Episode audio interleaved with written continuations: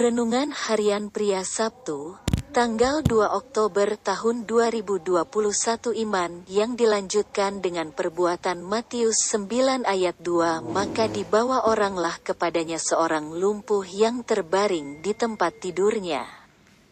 Ketika Yesus melihat iman mereka, berkatalah ia kepada orang lumpuh itu, Percayalah, hai anakku, dosamu sudah diampuni.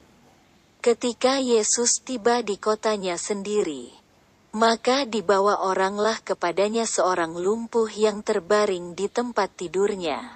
Marilah kita perhatikan kalimat, dan ketika Yesus melihat iman mereka. Siapakah yang dimaksud oleh Yesus mengenai iman mereka itu? Pertama, adalah iman orang yang membawa si orang lumpuh itu kepada Yesus.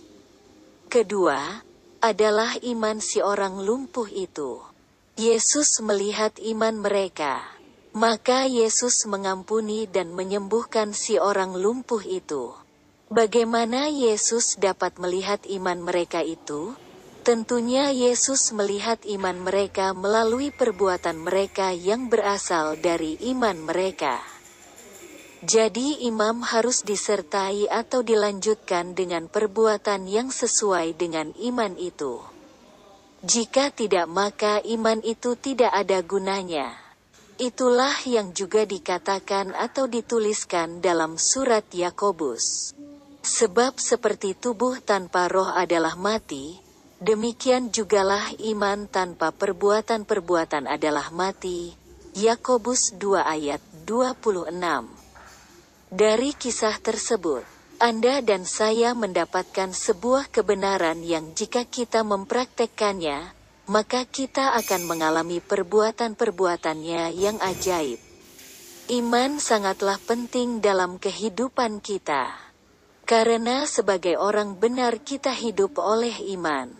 Iman kita kepadanya harus dilanjutkan dengan perbuatan yang sesuai dengan iman kita.